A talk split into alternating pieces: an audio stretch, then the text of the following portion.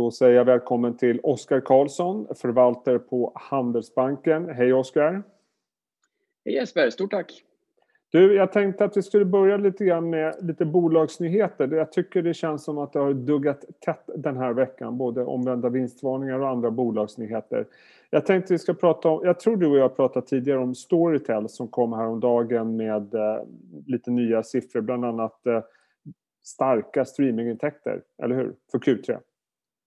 Ja, men det stämmer. Det var ju kanske lite frågetecken i somras där man signalerade att det hade stannat upp lite grann, men det visade väl sig att det där kanske var en tillfällig effekt av att eh, folk ville springa ute på, på stränder och så vidare lite mer där under sommaren när det väl tilläts. Men nu under hösten här så ser man ju att kundintaget återigen har varit starkare än vad bolaget själv prognostiserat. Så att eh, det signalerar en styrka i den affärsmodellen och det är väl kanske framför allt då utanför Sverige och Norden där tillväxten verkligen är stark med, med 65 procent i, i eh, de här siffrorna som kom. Välförtjänt uppgång i aktien. Jag tror den var upp 70 procent någonting i år. Ja, precis. Och då har ja. den ändå varit förhållandevis svag de senaste två, tre månaderna. Eh, en annan aktie som kom med nyheter i veckan det var Alimac. Eh, man kommer lite vad var det, lite verksamhetsgenomgång, eh, lite omstruktureringar tycker jag med se. Vad var det som var så viktigt med den nyheten? För aktien reagerade positivt på det de kom ut med. Ja, det är sannolikt ett par saker. Dels var det ju kostnadsbesparingarna där om 60 miljoner per år de kommande åren. Eh, och det gör ju att man sannolikt då tar sig över de här 15 procent i, i marginalmål Eh, kommande år om man ska förlita sig på, på de analyser som finns. Då. Sen så benar man ju ut och, och delar upp det i lite nya affärsområden där jag tycker en sak som är bra som tydliggörs det är ju att man har förhållandevis stor försäljning till vind, vindkraftsindustrin och eh, i tider av, av eh, mycket fokus på hållbarhet och hållbarhetscase så, så är det väl bra att lyfta fram en sån sak för det blir ju sannolikt mycket mer eh, vindkraft framöver och då är det ju spännande att se att man, man säljer, om inte hackar och spadar, så, så hissar till, eh, till de här vindkraftverken.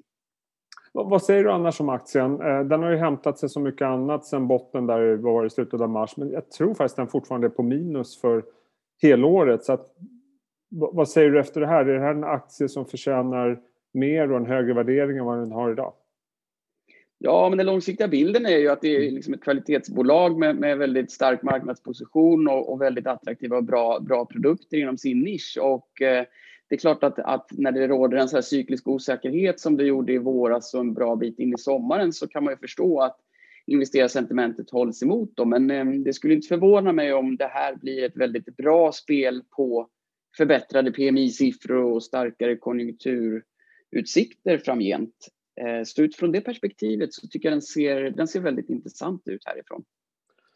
Eh, och sen då dagens nyhet. Embracer, en börsfavorit, gör en riktad emission på vad är det, knappast 6 miljarder. Det är en rejäl summa för det bolaget. Eh, vad säger du om, om det greppet från bolaget och framförallt hur kommer man se de pengarna användas om man ser det lite längre sikt?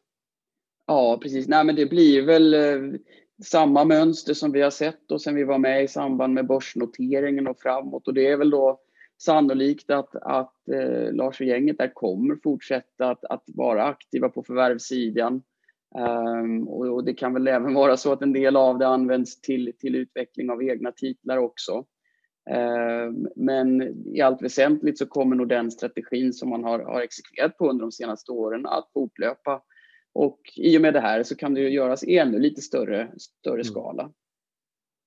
Och eh, som sagt, det har varit mycket bolagsnyheter den här veckan. Det har varit en hel del omvända vinstvarningar dessutom. Senast idag kom Gränges med en positiv vinstvarning. Aktien stiger på det. Vad säger det här om Q3 som kommer nu? Det har ju börjat smyga igång men det börjar dra igång ordentligt någon gång nästa, slutet av nästa vecka skulle jag tro. Mm.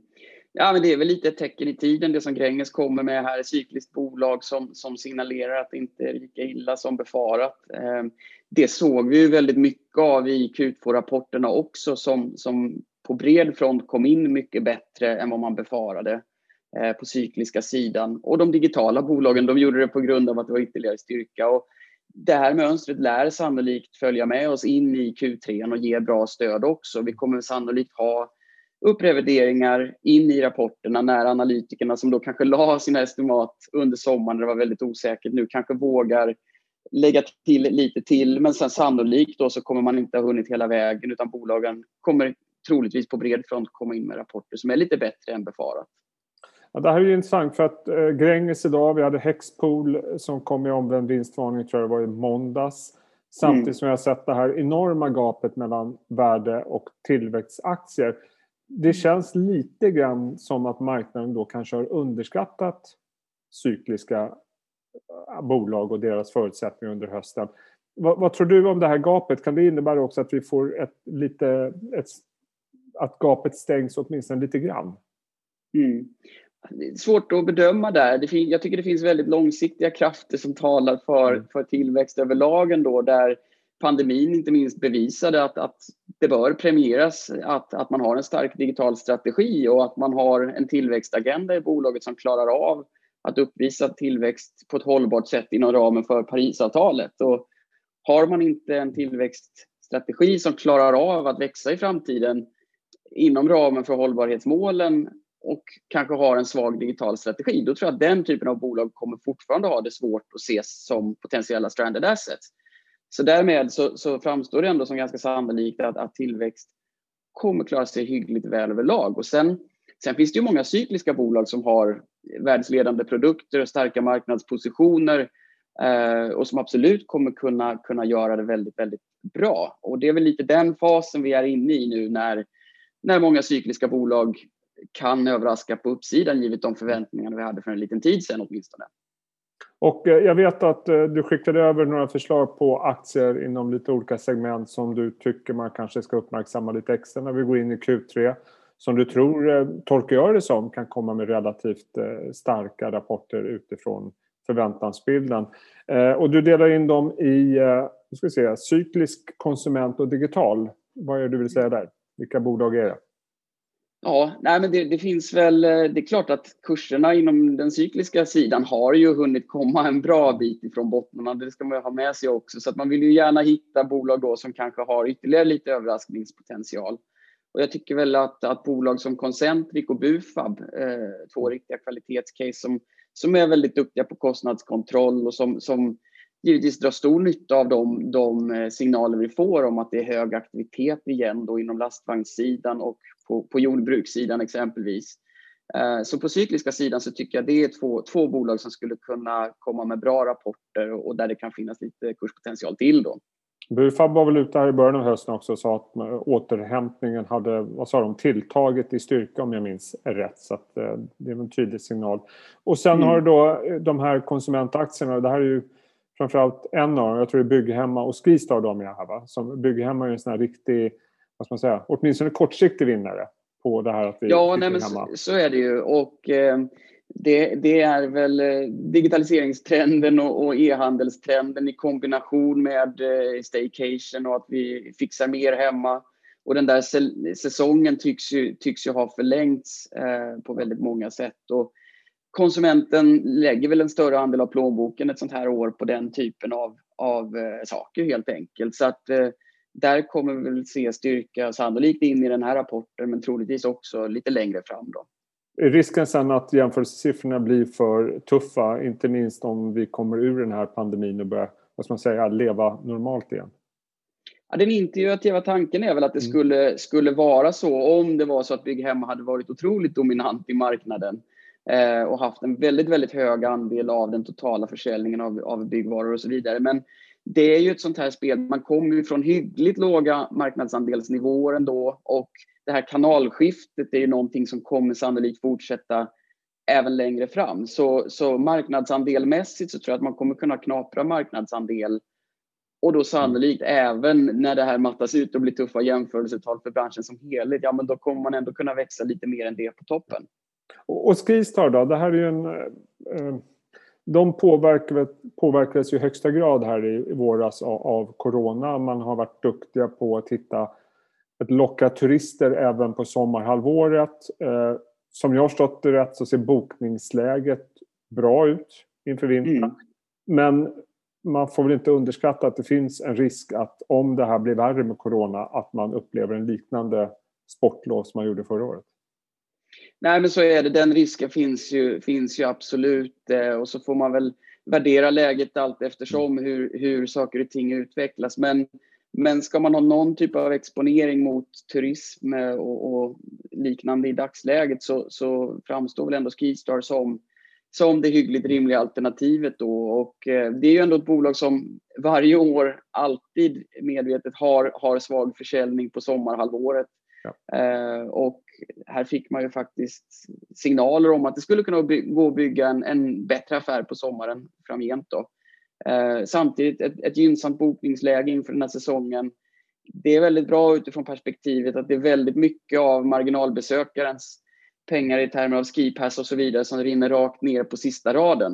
Eh, det finns en väldig hävstång i det. Så givet att, att eh, pandemin inte utvecklas alldeles för negativt så ser det ut att kunna bli en, en väldigt bra säsong i år och man kanske ser en liten, liten grogrund för att kunna bygga en starkare sommaraktivitet framgent också. Och sen avslutningsvis eh, två eh, bolag inom digitaliseringen, gamingföretagen Stillfront och Embraces som vi nämnde tidigare.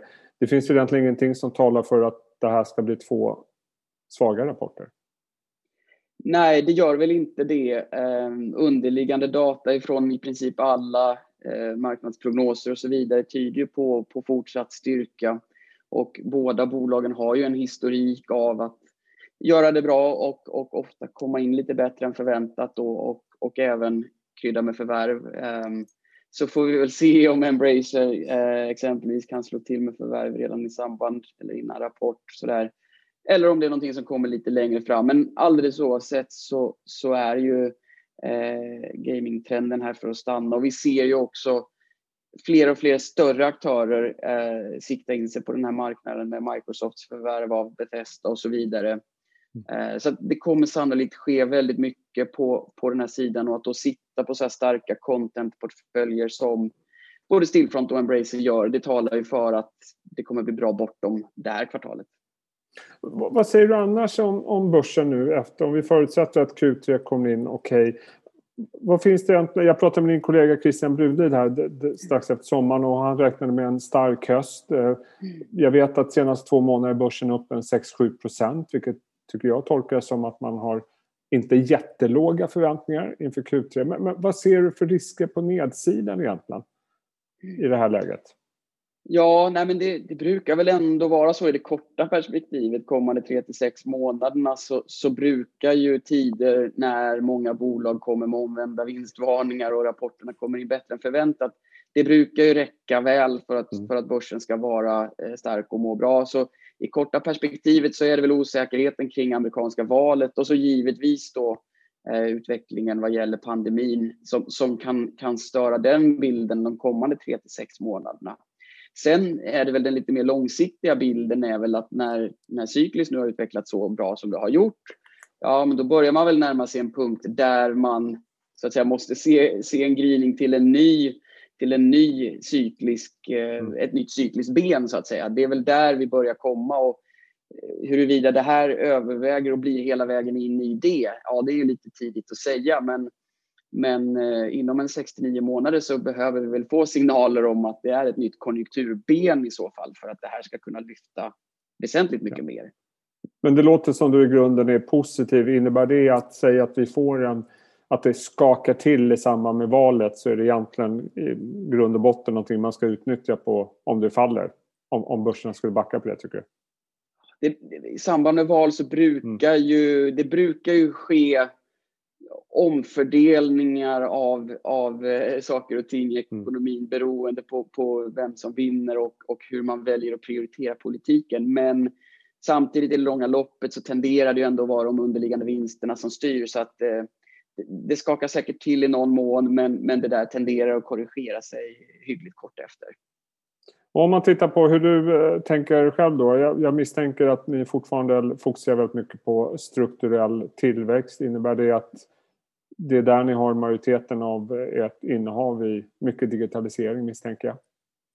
Ja, nej men det stämmer i stora drag. Det, det är ju mycket det som står, står i fokus. Vi letar generellt tematiskt efter mm strukturella tillväxtfickor och där är det mycket digitalisering och har varit det. Sen i kombination då med, med många av de här världsledande svenska verkstadsbolagen så, så blir det ju en attraktiv kombination över tid tycker vi då.